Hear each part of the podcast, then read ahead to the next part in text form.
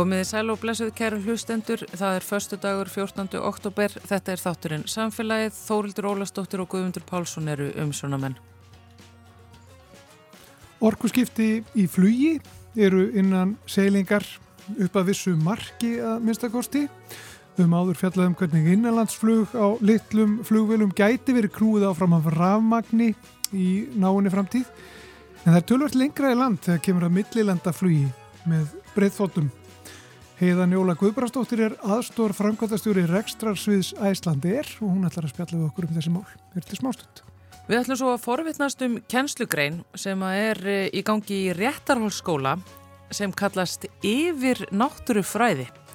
Þar geta ungmenni lært um vampýrur, gemverur, drauga, skrýmsli og álfa meðal annars. Allt eh, mjög mikilvægt auðvitað og eitthvað sem fellur vel að áhuga sviðu úlinga. Við ætlum að heimsækja kennaran sem skóp námskeiðið og kennir það og fá að vita meira.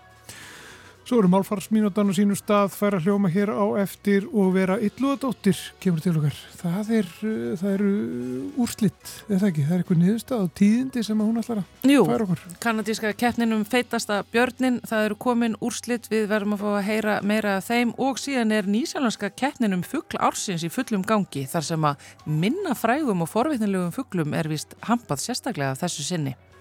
Við erum að ferja yfir þá eftir að við byrjum á orkuskiptum í flugi.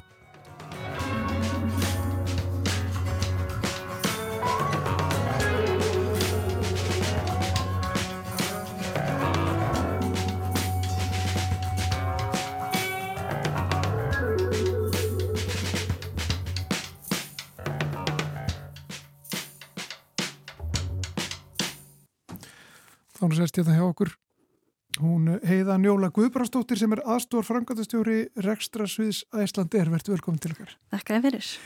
Uh, orkuskipti í flugi voru rætt í gær á opnum fundi sem var haldin í tengslu við Þing Ringbors Norðurslóða. Þú varst þar, uh, talaðir þar og, og, og fyldist með. Hversu svona, ja, hvað getur við sagt, hversu nálægt eru við orkuskiptum í flugi? Já, þetta er einmitt rétta spurningin sko. Um, þegar við tölum um orkuskipti í flugi, þá er mikilvægt að geta þess í rauninni hvaða þátt flugsmar er að vísa til. Og ég heyrði að þú nefndir að hérna í inganginum að uh, við erum komin lengra þegar að kemur að innanlandsflugi og skemmri flugleiðum heldur en í alþjóðafluginu. Og ef ég fer kannski aðeins í gegnum hvað er á döfinni eða hver þróunin er þar, þá er helst hort til tækifæra tengt rafmagsstripnu flugi og vettnistripnu flugi í innanlandsflugi. Og þá er það helst í rauninni svona þetta fyrsta í orkuskiptaði flugi verður á flugleiðum sem eru stittri en 500 kilometrar. Og þá er þetta rauninni tvennskona tækni, það er þessi batterístækni og svo efna rafalar sem eru drifnir af vettni. Eh, en síðan er rauninni vegna eiginleika þessar orkugjafa. Þeim fylgja ákveðin takmörk þegar kemur að rúmala og þyngt að þá þarf að leita annara leiða fyrir alþjóðaflugið.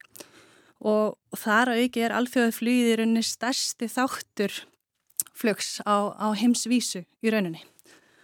Og uh, nú hafa flugfélag við um heim sett sér bara mjög metnaði fyrir markmið, lengri tíma markmið fram til 2050 um að verða kólefnis hlutlaust þá. Og það munir rauninni fela í sér eh, samtvinnun ólíkra þáttar til þess að ná þessi markmið.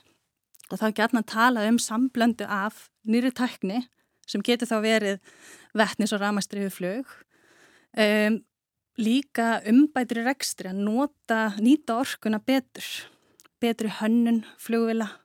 Það getur verið uh, bara hreinlega vinnulag flugmanna, bætt eldsneiti snýting. Það getur verið notgun léttari efna um borð. Það getur líka verið bætt flugplanskerð þannig að fljúir skemmri vegalengdir. Og síðan er henni þriðalagi notkun sjálfbærs fljúvila elsneitis sem að verður svona burðarásen í því að ná þessu markmiðum og í síðasta lagi og fjóruðalagi kólöfnisjöfnun. Já. Og svo er það spurningin fram til 2050 hva, hvaða þáttur mun vega þingst. Fluggeirin í dag horfir sérstaklega til sjálfbæra flugvila elsnættisins. Og hvað er í bóðið þar? Þú búin að nefna vettni og er Já. það í bóðið sem, sem er vettni á einhverju formi þá sem orkugjafi eða er vettni nota til þess að um, já, útbúa bú, búa til einhvers konar eitthvað elsniti sem, a, já, sem sko, gengur á, já, á, á fluglega það, það er ymmit málið að, að vettni er mikilvæg um, afverð inn í framlegslu á sjálfbæru fluglega elsniti þegar við tölum um sjálfbært fluglega elsniti þá er því jafnan skipt í tvo flokka. Það er lífrænt uh, elsniti og svo hins vegar raf elsniti og hér á Íslandi þá eru við í rauninni í einstakru stöðu til þess að nýta þessa grænu orku til þess að framlega fyrst vettni blanda síðan vettni við koldioksið úr andrumslofti og búa til úr því sjálfbært þóttu elsniti og þetta hljóma náttúrulega eins og eitthvað svona halv ótrúlegt en þetta eru sömu byggingareiningar, vettni og kólefni eins og er í þóttælsniti og, og þessi afurð væri rauninni algjörlega sambærileg því sem notað er í dag og það er það sem að gera þetta svo spennandi löst fyrir alþjóðaflið. Mm -hmm. Aftur á móti að þá er þetta gríðilega orkufrækt að framlega svona elsniti þannig að það er mjög mikilvægt að notgun þessi forgangsræðað. Þannig að ef við eigum kost á því að fljúa uh, eh, ramastripnu flugi, fljúa vettnistripnu flugi á skemmri flugleiðum þá væri auðvitað skinsanlegast að forgangsraða notkuninni þannig að við varum að leita að þessum nýju tækni möguleikum á skemmri flugleiðum og forgangsraða síðan notkun sjálfbara eldsneitisins fyrir lengri leggi. Mm -hmm. Og svona, svo ég tólki það yfir einhverja svona kunnulegar vegalengdir að þá væri svona skemmri vegalengd í, í alþjóðaflugi væri sambarilega við kannski að fljúa frá Keflavík til Kaupmannafnar, Svítjóðar, Norex, eitthvað slíkt. Já. En aftur á móti svona miðlungslangar og lengri ferðir væri kannski austur og vestuströnd bandarækjana. Já, en að þú nefndir á hann að þetta er svona það er margt sem er verið að horfa til, sko. það, er, það er gerð uh, flugvelana, það er hefni sem er í, notað í, í vélarnar, búnaður, hvernig er hægt að einhvern veginn lámarka erlitisnótkun og losun. Um, það er verið að vinna þessa vinnu náttúrulega nú þegar, er það ekki? Og þetta farið að byrtast í sumum, sumum uh, þóttum nú þegar. Jú, sko, þú horfir á kannski bara tæknilega þróun fljóðila gegnum síðustu ára tí að þá hefur orðið alveg gríðaleg bæting í nýtingu elsnættisins þannig að við erum líklega að brenna helmikið minna elsniti núna en fyrir nokkrum áratöfum. En rýmið til að ná þessum umbótum fram er alltaf að minka. Það væri hægt fyrir flugular að skoða það að, að lengja vangin meira og gera hann þinri til þess að hann fengi, byggja ekki til jafn mikla loftmótstöðu en þá myndur á móti þurfa styrkja burðavirkið og veri komið þingd á móti og ábætin væri farin fyrir hreiflana það verið freistandi að stakka reyfilin, lengja turbinubriðin en þá ertu aftur komið meiri loftmótstöðu, meiri þingd og þú missir ávinningin. Mm -hmm. Þannig að þarna eru verkfræðingar... Það er eitthvað punktur hann Það er eitthvað punktur hann sem að, þú þarf svona að dansa við og, og ég held að, að flugheimarinn sko með hverri kynsloð uh, þóttna að þá hefur verið náð fram svona 15-20% ávinningi en á sama tíma er flugið að vaksa í heiminum. Mm -hmm. Þannig að við erum að vaksa út fyrir þessar tæknu umbætur. Þannig að það er greiðlega mikilvægt að flýið uh, stýði fram, seti þessi metnaðaföllu markmið og finni lausninnar til þess að leysa þau. Mm. Að því sögðu og þá flýið er geiri sem er mjög krefjandi að kolefnisjafna. Þannig að það þarf alltaf að finna þetta jafnvægi á milli þess hvað, hvað er bara hægt að gera og svona tímalínunar sem að þarf að fylgja í rauninni. En sjálfbara elsnitið, það er spennandi lausna því leiti að það væri í rauninni í dag á nokkura breytinga hægt að nýta það uh, upp að 50% íblöndun í hafbundi þóttelsniti ef það væri til. Já. Aftur á móti er ekki nema brot og brot og brot af þörfinni til í dag. Já. Og þetta mun þetta gerast í, bara í skrefum svona skrefum ykkur um það kemur ykkur íblöndun svo eru ykkur ákveðna leiðir sem er hægt að fara þessar stittri leiðir hægt að fara með ákveðnum aðferðum erum að býða þess með lengri leiðarnar og svo einhvern veginn kolla kolli og þetta gerist í ykkur skrefum. Til ársins 2050 er það, er það raunhæft að horfa til ársins 2050? Já, það er ekkit mjög langt okkur til. Það er ekkit mjög langt okkur til sko. Um, þetta mun gerst í skrefum alveg svo lýsir og íblöndunin mun vaksa bara ára á ári núna á næstu 5-10 árum. Um, Evrópa-sambandi eru undirbúa reglur þar að lútandi þannig að það er mjög líklegt að hér verði komin 2-5%, jáfnveil 6% íblöndun árið 2030 þannig að það er hortið þess og svo er í rauninni verkefni sem við standum fram með fyrir er að, er að skala upp alveg nýjan auðnað til þess að verða við þessari, þessari þörf. En það er eiginlega þess vegna, vegna þess að það er mikil áskorun að, að stækka svona auðna hratt, að þá er svo mikilvægt að við hugum að tækni þróuninni fyrir flugleðir á, á skemmri, skemmri leiðum, líka til þess að, eins og ég segi, forgansraða orkunni en líka bara að komast fyrr að nýri þekkingu. Í dag þá kannski vitum við ekki hvaða er sem við vitum ekki. Við þurfum að prófa nýja tekni til þess að átt okkur á því hvernig hún reynir á rekstrarungverfið, hvernig hún reynir á innviðina og fleira. Og það er bara mikið virði í því að byrja þessa vekkferð sem fyrst. Já. Er villi til þess? Er, er, er unnið af því eh, hér á landi? Sko, þú nefndir á þann að hér er þessi græn horka sem við höfum og svo framvegst. Það eru margir sem vilja fá þessa græn horku. Ég, ég held að það sé viljið til þess. Ég held líka að, að við séum í rauninu á flegi ferð. Að þú hefði sagt mér fyrir tveimur árum síðan að við myndum sita hérna í dag og ræða alveru vettnis og ræmasflug. Það hef ég sannlega sagt að mér finnst það svolítið ólíklegt. En síðan í rauninni er þessum máluflokk bara að flega fram. Tækninni er að flega fram og við sáum það bara í sumar til dæmis að, að þá var Æslandir að, að um, í rauninni þróa áfram sambandsitt við Hart Aerospace sem er að framlega ramarsflugvel og þau voru að uppfæra sína hönnun í svona hybrid flugvel sem er drefin þá bæði ramagni og sjálfbæru þóttelsniti. Þannig að í rauninni þróunin sjálf er mjög spennandi að fylgjast með líka. Já.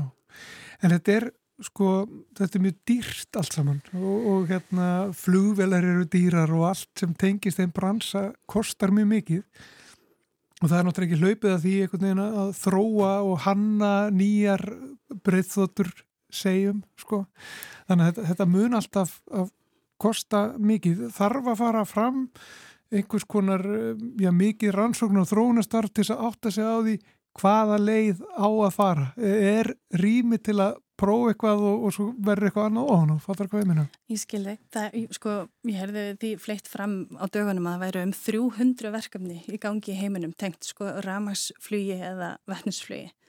Þannig að áhugin er svo sannlega til staðar.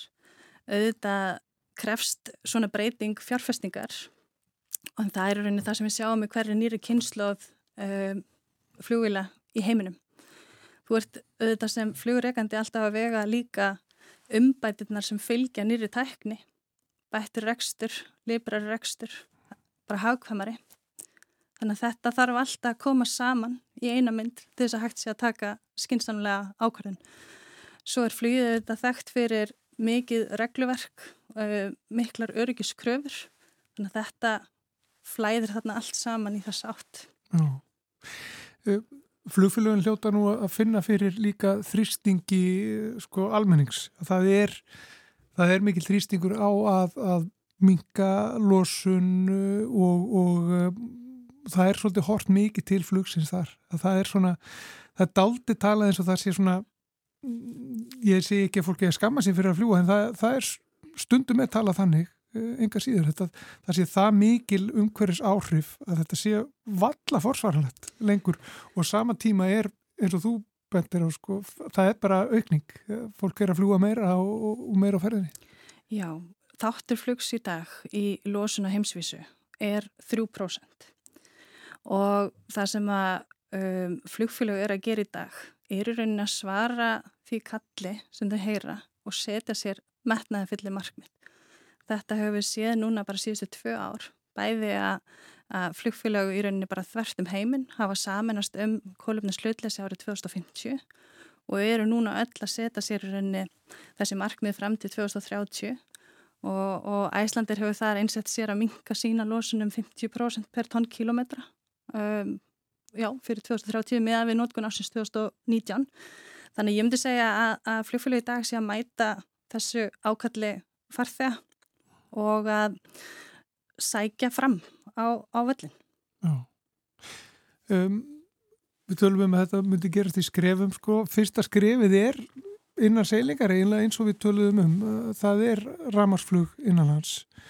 Uh, hvað er við nálagt uh, því margmiði? Að geta flóið hér á, já, er það ekki aðalega ramang sem við talaðum eða engöngu? Það er rauninni annars vegar uh, ramarsflug og hins vegar þá flugvilar sem eru búin að ramarsveiflum eru drifnar áfram af vettni. Þannig að mm -hmm. báðu þessi möguleikar koma mjög sterklega til greina fyrir land eins og Ísland. Um, við heyrum alls konar tímalínur í þessu en það sem við kannski svona, okkur þykir raunhæft er að, að við getum verið að horfa á vettnis eða ramarsflug uh, á þessum áratug á Íslandi. Já. Það er möguleiki. Og hversu mikil uppbygging þarf að eiga sér stað þá til dæmis á flugvöllum og, og þess er? Já, það er svona í rauninni það sem að þarf svolítið að, skoða ítalega núna. Um, það er búið að flytja inn fyrstu ramarsflugilina, Æslandir mm. tók þátt í því, það er lítil uh, tveggjasetta pipistrælvél sem að fekk uh, merkilega tvo fyrstu farþega, fórsetta Íslands og, og fórsettisráðra og, og þetta er bara svona frábært dæmi um, um þetta sem ég lísti á þann, að við þurfum að fara að reyna á innviðan að sjá hvar við þurfum að, að innbytta okkur, hvernig er aðgengi að ramagni hátta, hva, hversu mikillar uppbyggingar myndi þetta krefjast. Þannig að þetta er svona vegferðin sem þarf að fara í gang.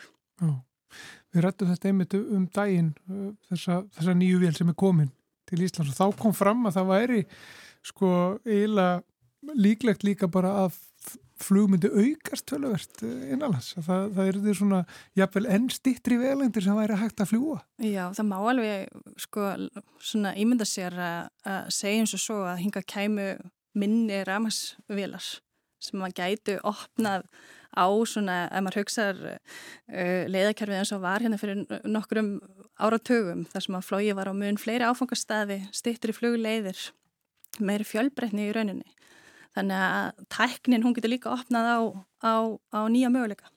En varandi vettnið uh, sem varum að ræða á þann að þá uh, er í rauninni ein, ein af þeim löstum sem verður að skoða í dag hún hefur svolítið leist þessa, þessa innviða flæku, ef ekki sagt sér svo. Að það er rauninni verið að skoða það að, að nýta ákveðin hilki þar sem að vetnið er tapað á hilki og svo í rauninni setur bara hilki í flugvelina og skiptur svo út tómum hilkjum fyrir full hilki svo eru hilkin meðhandlið í rauninni eins og þurfrækt. Þannig að það eru alls konar skapandi lausnir á borðinu þegar kemur að því að, að, að hjálpa svona umhverfunu að takast á við nýtt rekstraform. Og þetta er umræði sem að ársist að um allan heim? Um allan heim, já. Já. Eru einhverjir lengra komnir en aðrir?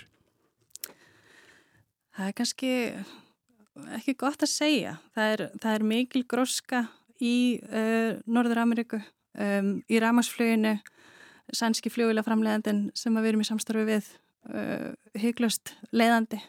Þannig ég myndi segja að ekki vegna hafsins allavega en það eru mjög spennandi tækifæri í þróun.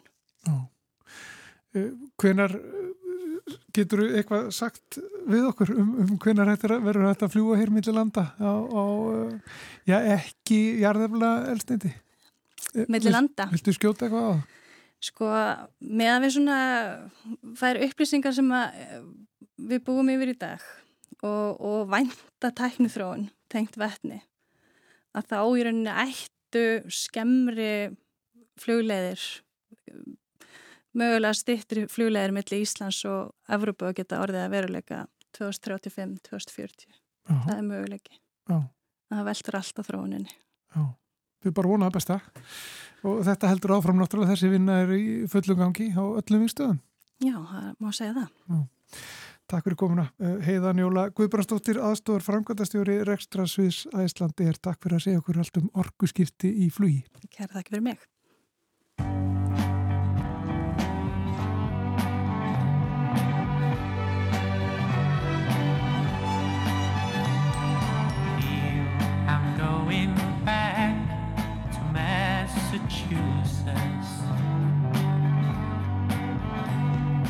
Something's telling me I must go home.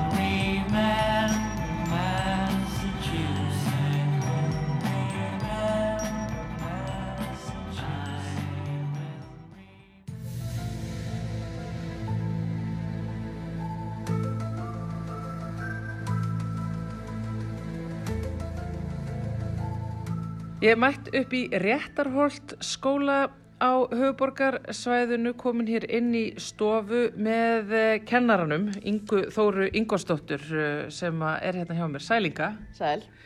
Sko ástæðan fyrir því að ég komninga til þín er að því að ég frétti að hér væri verið að kenna eitthvað sem að heitir yfir náttúrufræði og núna verður þú bara að taka við og útskýra fyrir hlustendum. Já, herru, þetta er yfirnáttúrufræði Þetta er valfag sem ég kom upp í kollin á mér ekkert mann í fyrra vetur og ég fór svona eitthvað að móta og ákvaða að bjóða upp á. Og ég er sérstaklega svona yfirleitt eitt af því sem ég gerir svona að megnunum til því ég er að kenna, þá er ég að kenna náttúrufræði. Og það er náttúrulega bara náttúruvísindi og rauvísindi og baki það allt saman. Og svo hérna, já, er ég hefði nú samt áhuga á ótrúlega mörgum og meðal annars þegar ég var úlingur var ég svolítið að grúska í alls konar, hvað maður segja, með dölafullum hlutum eins og goldurum og vampýrum og öðru og hugsaði, já, þetta kannski hefði úlingarnir gaman af. Þetta kannski væri nokkur hérna í skólunum sem myndu alveg vilja fara í þetta, grúska með mér í þessu. Þannig að ég svona hugsaði, já, yfirnáttúrulegt eitthvað, já, ég geti kallað yfirnáttúrufræði og bauðs þess að upp á þetta og hjá mér eru, hvað, 15 krakkar að grúska í alls konar yfirnáttúrulega dóti. Er þetta ekki í fyrsta sinn sem eitthvað svona er kent á Íslandi?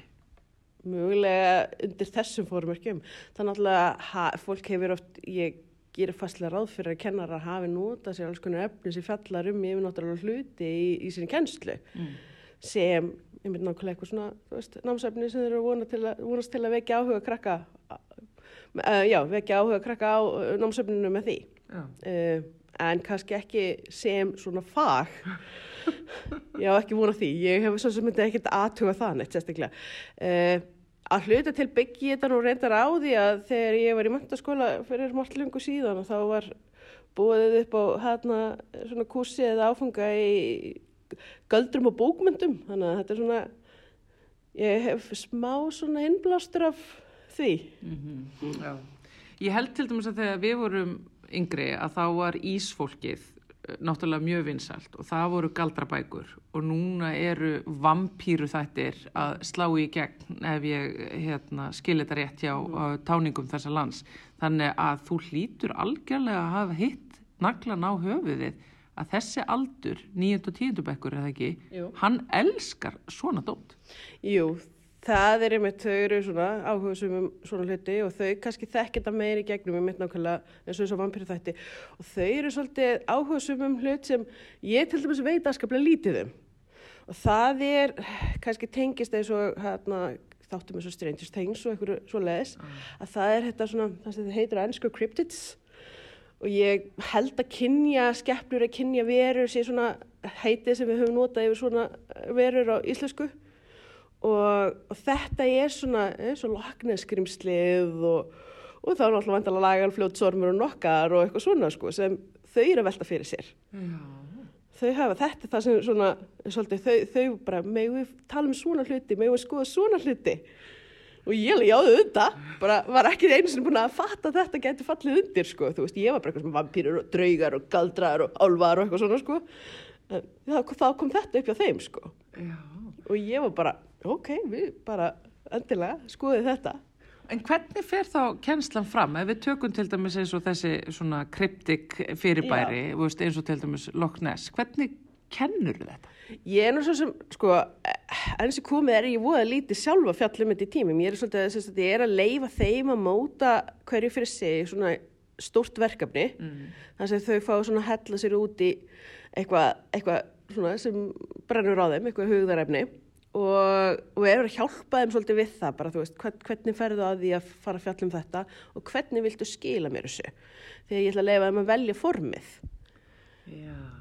og hana veist, þannig að veist ég er ekkert að himta neina rítgerð það má vera stuttmynd, það má vera hlaðvarp það má alveg, þú veist, maður ætti teikna teiknumdasögu, það mætti skrifa líka bara þú veist, skáldaðasögu um þessu hluti Og, og ég er svona að hjálpa þeim og það eru yfir nokkur sem er að veist, bara velta þessu fyrir sér þannig ég er svo sem hefur ekki fjallað um þetta ég sé alveg fyrir mér að ég reyna að finna eitthvað efni og, og taka þetta fyrir því að þetta er klálega eitthvað sem teng, þau tengjast og ég held að þetta sé yfir svolítið yfir til umfyllunar á samfélagsmiðlum sem þau eru götna og brúka.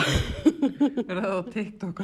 Já, þetta er, það er eitthvað svona, veist, það er eitthvað, um, fólk er klálega að tala um, um svona verur sem eru, þetta er nú þetta, þetta skilgrinningin á þessu er vist að þetta séu verur sem fólk hefur séð eða þykist af séð en vísindi getur ekki sanna tilvist þeirra. Já, Já, þú veist, eins og lakneskrimslið, skilja, já, einmitt, já. og lagafljótsorofinu og eitthvað svona.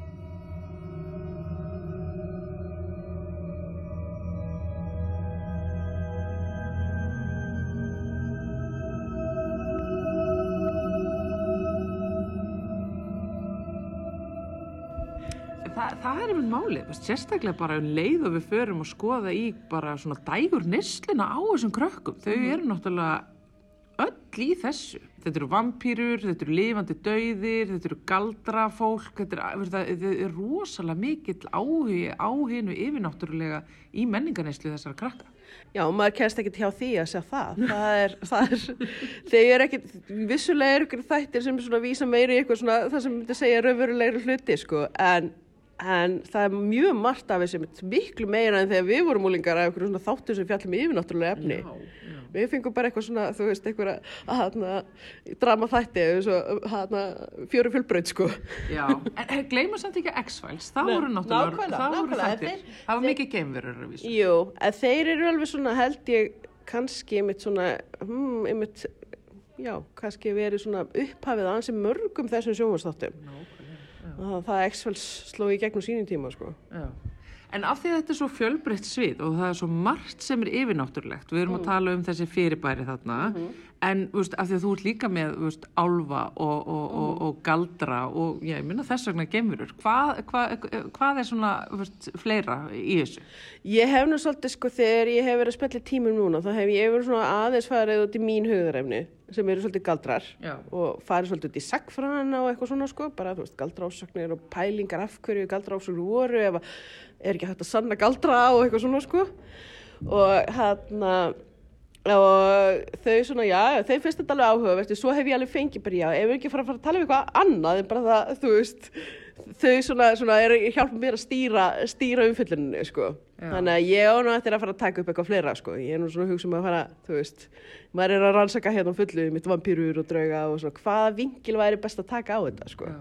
Því að, þú veist, já, ég finnst ég svona svolítið, þau hafa svolítið mitt nákvæmlega svona sagt mér til um hvað þau vilja heyra. Og þau mitt er, þau eru svona, já, svolítið, já, vampýrur eru mitt eitt af því sem þau vilja fara að heyra um. Og, og svona fá að pæla mér í. Já. E, eru þau þá á því hvort að vampýrur getur verið til í raunveruleikanum eða þá bara að skoða byrtingamindir vampýrana í, í bókum og þáttum og myndum? Já, ég held að við, við erum ekki komið svo langt í umræðinu með það. Við erum nú kannski að taka það fyrir, hvort að þau haldi það sko.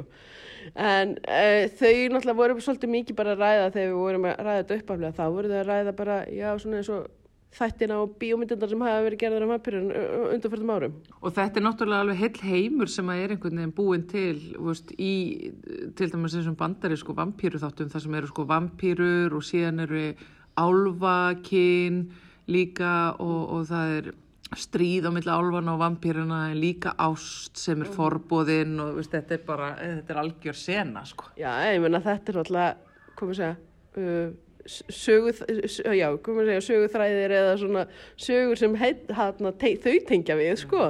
Þó svo kannski maður tengi ekki við það að vera vampýra eða varulfur eða álfur eða eitthvað svoleiðis, þá tengja þau náttúrulega tilfinningarnar. Já. Úlingar gera, tengja alltaf sterti, hana, sterkar tilfinningar, við getum orðað þannig. Já, og talandi um, um tilfinningar, þú veist, að því að eitt af því sem er náttúrulega mikið, fylgir mikið þessum aldri er sko, til dæmis trúin að drauga, sko, veist, að vera að segja draugasögur, að vera hrættur við einhver svona ókunnum hljóð og, og, veist, og þessi svona, þessi ungu, ungu hausar, sko, veist, er einhvern veginn er ekkert alltaf að leita að einhverju svona rökréttustu skýringunum, leifa bara svolítið ímyndanarafluna að flæða, þannig að ég velti til dæmis fyrir mér trúaðu á drauga, eh, skinjar það hjá þeim?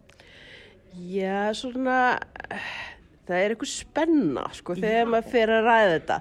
Það er svona spenna og það er svona mitt þetta, sko, þú veist, þau eru svona að reyna, sem mörg verið reyna að vera svolítið kúla að því, sko, og neða, þetta getur ekkert verið og þetta er bara að kæfta það. Svo svona, þú sér maður, ef maður kemur þessu, ef maður nærláttið tengja við, þú veist, það sem við verðum að fjalla um, sko, þau einhvern veginn sjá þetta fyrir sér, þetta sé eitthvað, þú veist, ef maður segir svona nútímanlega draugasögu, eins og maður segir, sko, Mm. þá er það einmitt eitthvað svona, já, og, og getur það ekki, og bara, og, og hvernig þú, bara, veist, hvernig þorðið þau að gera það, og eitthvað svona. En hvað með að þú myndir koma upp eitthvað svona, ég, ég get ímyndað mér til dæmis erfitt mál fyrir þig sem kennara ef að, að í umræðum um það næmni og skigni að nefandi myndi koma út með að hann teldi sig vera eitthvað slíkt. Ég það- vona að ég geti tekið á því þannig að, þú veist, maður sé, sko, hvað maður segja, geti tekið á því einhverju, á einhverju, uh, já, virðingu í raun og veru, vegna þess að mín reynslega svo er það bara alveg fullt af fólki sem ég held að sé allt í lægi með, sem þess að vera skengt, sko, Já. þó ég sé, held ég algjörlega gælt af svoleiðis tilfinningum eða, þú veist, skinjunum. Og það er þá bara þekking nógu marga sem sjálfur hafa, segjast hafa upplifað svona hluti sem ég held að séu annars bara nokkuð svona hjartengt. Já. Þannig að ég, þetta er bara hluti sem ég finnst að maður eiga bara, já, einhvern veginn, ég hef ekki upplifað þetta þannig að ég get ekki sagt já af eða á með það en ég get eiginlega ekkert reynd einhvern annan. En það er einmitt málið og þetta er líka sko, þessi kynslu er líka svo ótrúlega cool á því einhvern veginn að þau eru svo opin fyrir öllu og ég held mér að segja að þetta gæti flokkast undir það að vera skinnsegin bara að þau eru algjörlega bara dús með það að, að fólk upplifir og skinnjar hluti ekki allt á sama hátt og það er bara í lægi. Já, ég bara get alveg ímynda mér það að, að þau myndu alveg taka því þannig sko. Og líka svolítið í þennan, þetta, þennan lilla gúsminn hafa vanist einmitt krakkar sem eru svolítið svona einmitt með opinu huga gagvart svona hlutum. Hefðu þetta flokkast sem skrýtnu krakkandir þegar við vorum í kaka?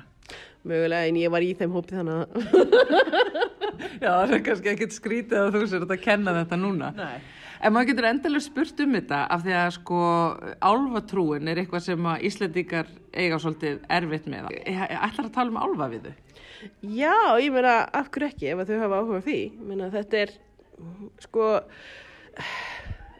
ég sé þetta, ég sé mig svolítið, sko, þú veist, ég er að taka þetta út frá tóttunum mörgum vinglum, ég er að taka þetta út frá þjóðfræði, ég er að taka þetta út frá sagfræði, ég er að taka þetta út frá svona, þú veist, dægur menningarfræðum. Mm. en ég er náttúrulega líka bara, þú veist, og þegar maður tekur þetta þjóðfræðina, þá ertu náttúrulega, þú veist, þetta er partur af íslenskri þjóðtrú hversu, hversu, hversu sko mikið maður hversu trúanlega maður tekur þessu og, og hvað manni finnst um það það hafi sko þú veist það enn þannig að í dag sé verið að taka tillit til álfabyggðar á Íslandi. Þannig að núna held ég að það sé svona krafan um vampýrur Já, vampýrurnar eru náttúrulega augljóslega Já. aðeins áhugaverðari kannski heldur en fjöru, lallar og, og nikrar. Já, við reynda þegar við vorum uppaflega að ræða þetta þá, þá datt einhverjum í hugum nákvæmlega nýgrar og eitthvað svona sko Sæði, já, myndi það vera yfirnáttúrulegt? Já, það eru yfirnáttúrulega verur Það eru allavega ekki í svona þessum helstu dýrafræðbókum sem ég hef verið að skoða fyrir lífræðina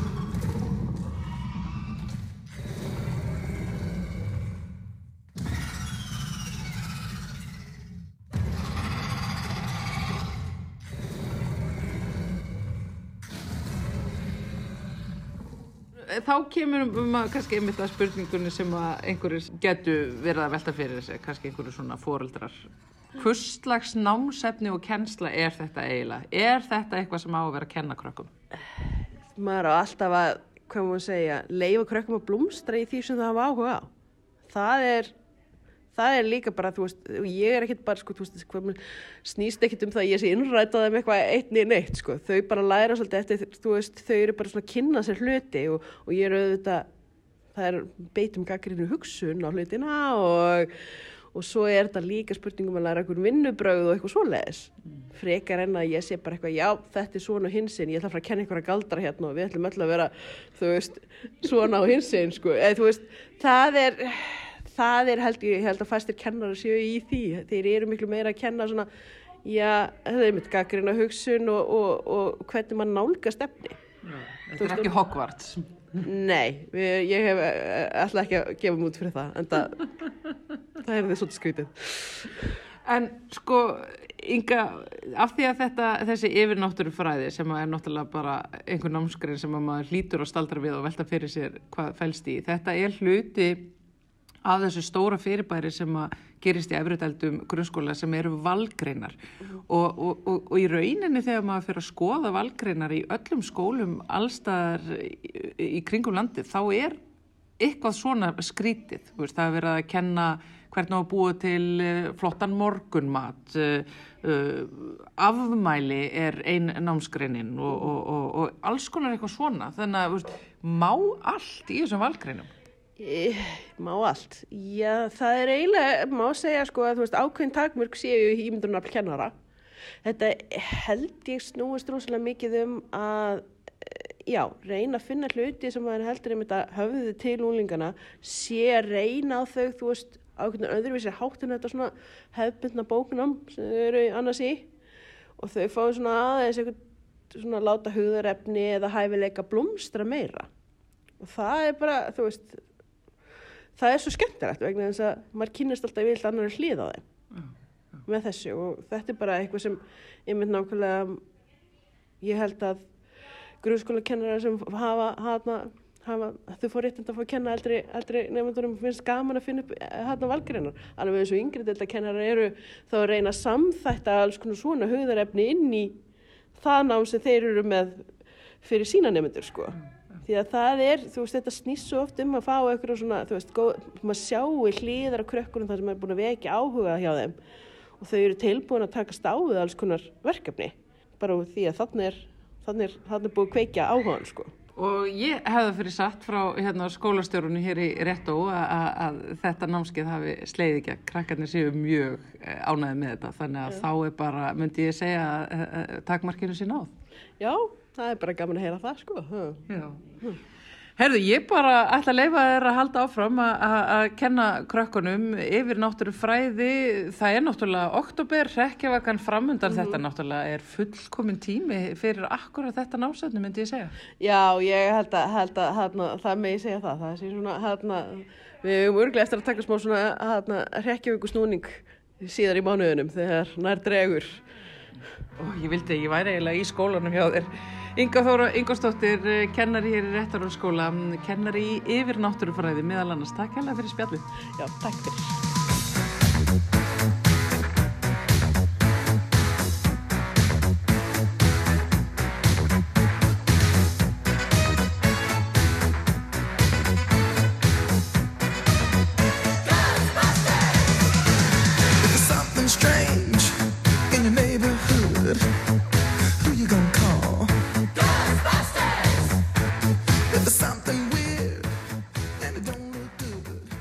Ray Parker Jr. sem að uh, slær botnin í þessu umfjöldunum uh, yfir náttúrufræði. Þetta eru þetta lægið Ghostbusters frá árið 1984 úr uh, samlendri mynd um draugabanana. En hér á eftir þá sest hún hjá okkur vera illuðadóttir, hún þarf að fara yfir mjög mikilvæg mál og gera upp ímis mál sem er komið niðurstaða í. En fyrst ætlum við að heyra eina málfarsminútu.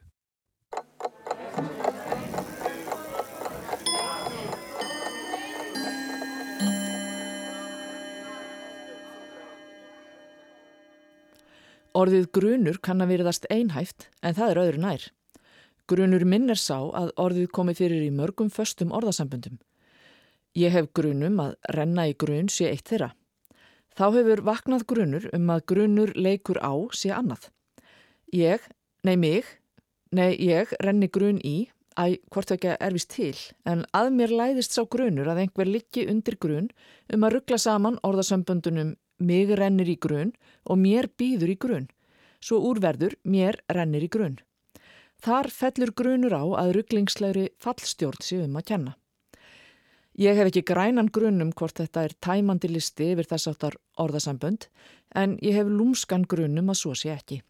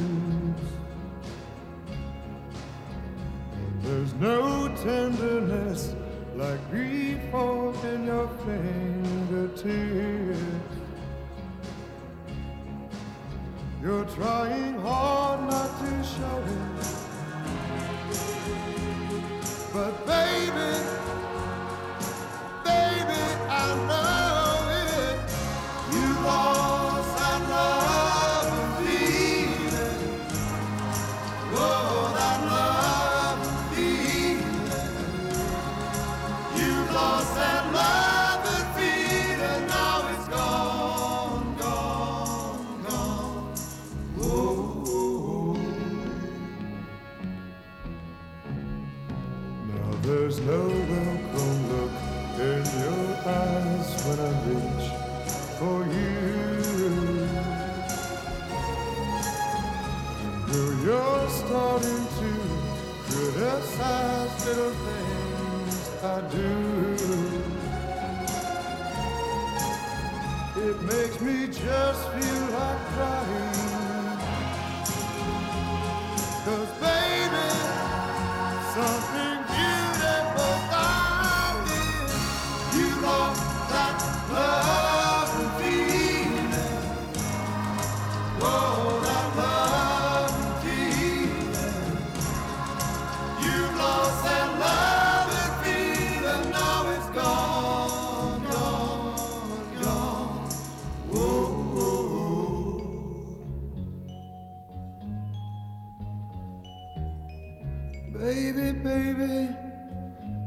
Down on my knees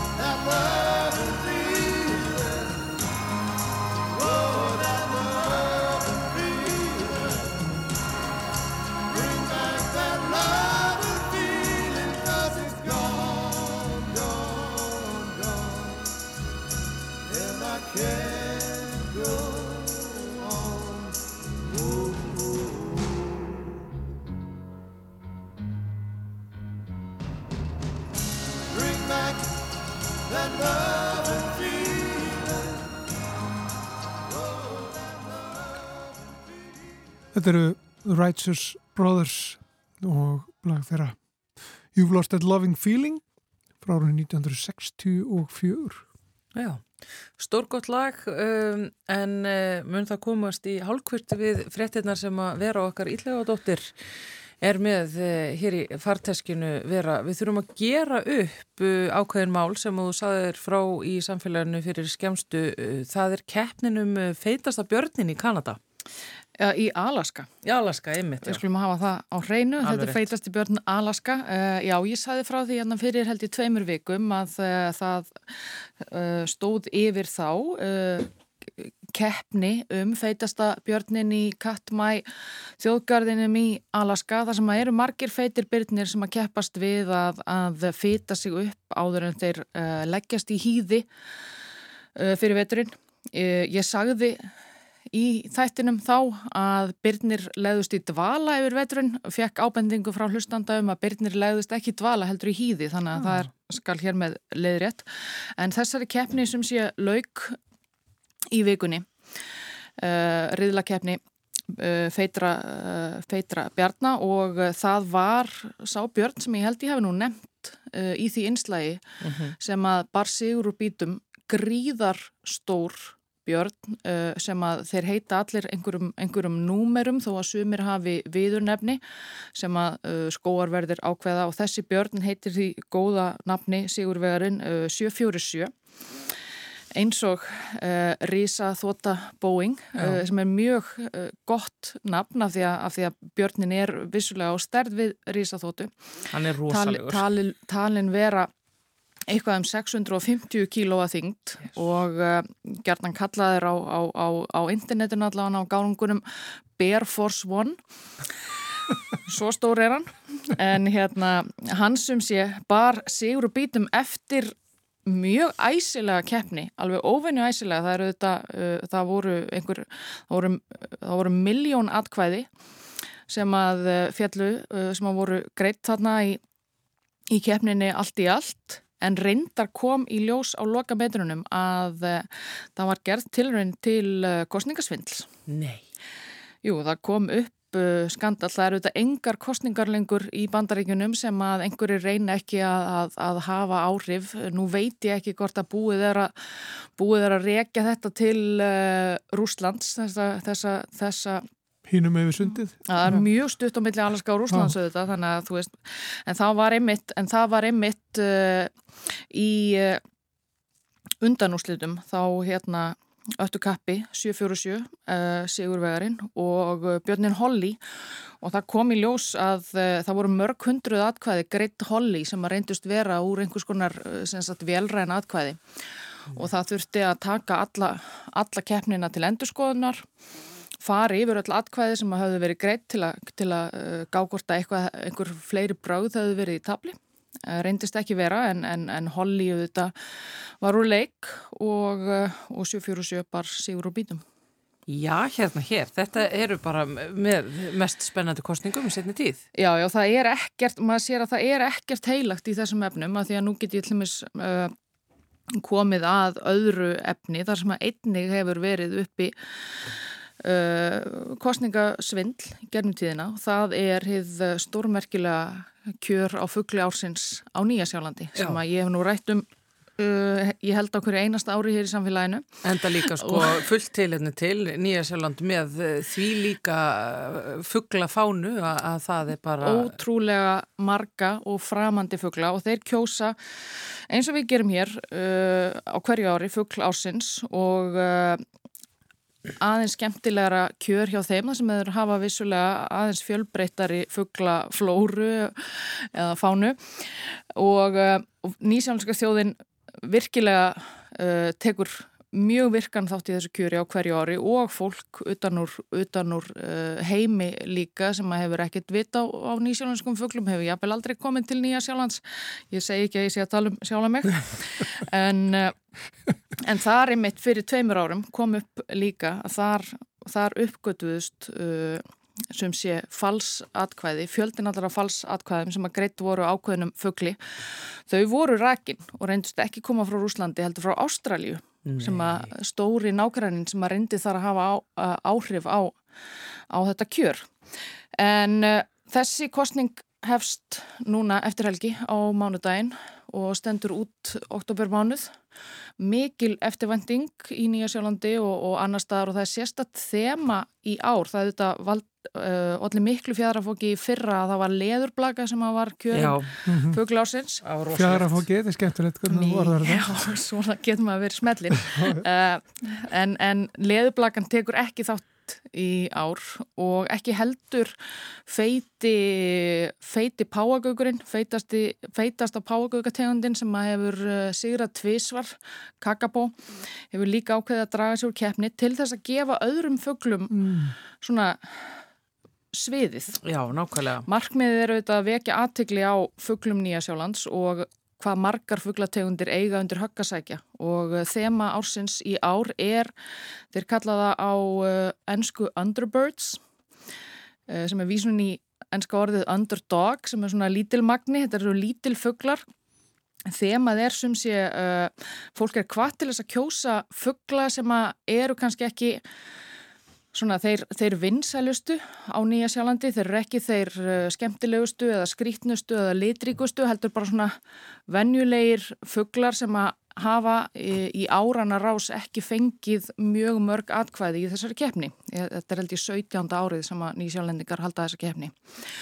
Og uh, maður getur farið sem, sem sé á heimasíðu keppninar, bördoþýr.org.nz og skoða þessa, þessa uh, undirfugla, þessa lítilmagna og uh, það vakti alltaf aðtekli mín að þetta eru fuglar sem að við könnumst við. Því að nú hef ég ofta rætt hér um um ímsa furðufugla en þarna sér maður bara skúm og, uh, og nýsjálensku lóuna, nýsjálenska hrossagaukin, þetta er allt saman frændur okkar fugla sem að þykja svona ómerkilegri fuglar á Nýja Sjálandi, Nýsjálenska krían. nýsjálenska krían. Og ég fyllist auðvitað uh, miklu þjóðarstolti að, að sjá þarna þessa fugla sem ég svona kannast við. Og fólk er sem sé kvart til þess að allavega kynna sér þá og, og, og kannski gefa þeim atkvæði sitt svo að þeir degi nú heldur ekki út. Já, ég meina þannig að En þetta er duggönd? já, duggönd, já, maður, þegar maður flettir í gegnum þetta, þetta er bara uh, sandlóa hérna og eitthvað sem lítur út eins og svartur uh, músarrindill, kjói, já, það, veist sko, hér er svartur tjaldur, Herðu, sko, þetta eru bara fuglarnir okkar og eru þeir bara einhverju svona minni málsmitandi fuglar þarna í Nýjasjálandi? Já, ef þú hefur séð, ef þú hefur séð skemmtilegustu fugla Nýja Sjálands þá mynd, myndur nú ekki setja tjald þar efst á lista held ég en Já. Þetta er, sko, er, veist, er fólk að fara að kjósa hérna, veist, þennan auðnutilling hérna, það auðnutillingi verður sem fugla ársins í Nýjasjáland. það verður spennand að sjá hvort að þessi, þetta, þetta framtak mun bera árangur að fá fólk til þess að, til þess að hugsa um þessa, þessa lítilmagna eða hvort að fólk mun, uh, hvort að nýsjálendingar og, og aðrir munu leita meira til þess að svona meiri flottari fugla mörgæsa og, og, og, og, og litríkari páagauka og, alls konar sem er í bóði. Það er spurning hvort að, hvort að tjaldurinn og, sandlóan geti heitlað þegar samkeppnin er svona gífulega hörð en það er allavega það sem að Uh, náttúruvendarsamtökin uh, nýsjálensku sem, a, sem að standa að þessari, þessari kostningu ári hverju vilja að, vilja að, að kjósendur geri. Og auðvitað er það eh, svo sem eðlilegt að því að það er eh, erfitt þegar það eru náttúrulega þúsundir, hundrið þú, uh, fuglategunda í hættu að það sé alltaf mesta aðteglin á þeim sem að er sko fallegastur og stærstur og, og svona frekur til fjörsins. Að því að að músarindlar eru líka fuglar þó að það fari lítið fyrir þeim og þeir séu kannski eh, ekki fallir og feitir eh, skergrænir páagökar að þá þarf líka að bjarga þeim. Einmitt það og ég held að það sé einmitt, einmitt, einmitt planið með þessu. Og þetta er alltaf þannig, það þarf alltaf einhver að standa í, í skugganum á einhverju stóru og fallegu. En það skemmtilegsta við þessa keppni er að, er að, er að fólk tekur þessa, þessa fugla upp á arma sína og notar, getur nota hvaða meðul sem er, samfélagsmiðla og annað til þess að vekja aðtikli á, á sínum fuglum. Mikið af skemmtilegu samfélagsmiðla kontenti sem verður til í tengsli með þetta. Þannig að, þannig að uh, það er öruglega einhver klár nýsjálendingur þarna úti sem að er að gera sig reyðubúin að vekja aðtikli á svarta tjaldurinnum. Já, ég er alltaf þannig, svo ég, er hérna, sko, er, er þið búin að skoða þetta? Er þið ég, búin að er ákveða þetta? ég er að hugsa um... Ertu búin að ákveða þetta? Já, ég gef ekkert upp. Þú, Ég er þú í ekkit upp um það. Já, Já, ok. Ég sé hérna fugg sem heitir Rói sem er einhvers konar brúnn kífifugl.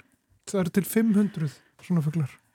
Nei, hann er alveg að fara að myndi út. fá mitt atkvæði held ég sko. En við megum kjósa. Við meðum kjósa. Þið megi kjósa. Já, og þetta er Við megum leinlega kostning, þannig ég er kannski að Ég ætla- ekki hérna. Kjósa Stemminguna. sem lítur út eins og jæðurrega og er í sír, seri og stróból. Já, já. En, herðu, þetta, þú kemur úrslitin úr uh, þessu þegar uh, þau vera kungjörð, Eva. Ég held að það bara hljóta að vera. Þetta er mjög spennandi þarna hjá nýsjálendingunum. Já, en við komumst ekki lengra núna vera eitthvað kæra þakki fyrir komuna í, í samfélagið. Við eh, kveðjum Guðmundur og Þóruður og þakkum ykkur sem hlustuðu þessa vikuna. Við verðum hér aftur á mánudaginn. Verðið sæl.